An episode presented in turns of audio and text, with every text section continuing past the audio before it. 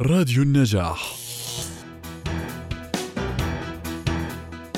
وفي هذا الأسبوع بارقة أمل لأصحاب الوزن الزائد من مدمني الشوكولا.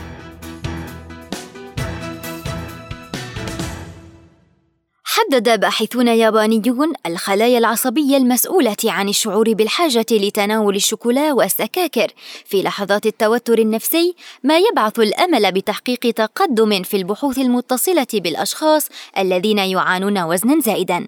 فقد اكتشف علماء من المعهد الوطني للعلوم الفسيولوجية في منطقة إتش اليابانية إن تشغيل خلايا عصبية معروفة بتفاعلها في حالات التوتر لدى الفئران.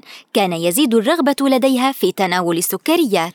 وتبين أن القوارض المذكورة كانت تأكل أطعمة غنية بالسكر بواقع ثلاث مرات أكثر مقارنة مع الظروف العادية مع تقليص المواد الدهنية التي يتناولونها إلى النصف. هذه الدراسة التي تنشر نتائجها مجلة Cell Reports الأمريكية على موقعها الإلكتروني هي الأولى التي تثبت دور الدماغ في الميل إلى تناول السكريات أو الدهنيات. وفق ياسو هيكو الذي أشرف على هذه البحوث. ياسو الباحث في هذه الدراسة قال إن أناسا كثر ممن يأكلون كميات كبيرة من السكريات في لحظات التوتر يميلون إلى الاعتقاد بأن المسؤولية تقع على عاتقهم بسبب عدم تمكنهم من التحكم برغباتهم.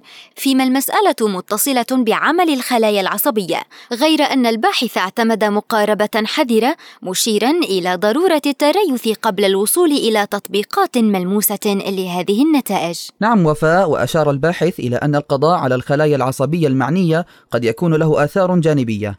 لكن في المقابل إذا ما نجحنا في إيجاد جزء محدد في الخلايا العصبية والتركيز عليه للقضاء على جزء من نشاطه فإنه بذلك قد يقلص الاستهلاك المفرط للسكريات وفق الباحث الياباني.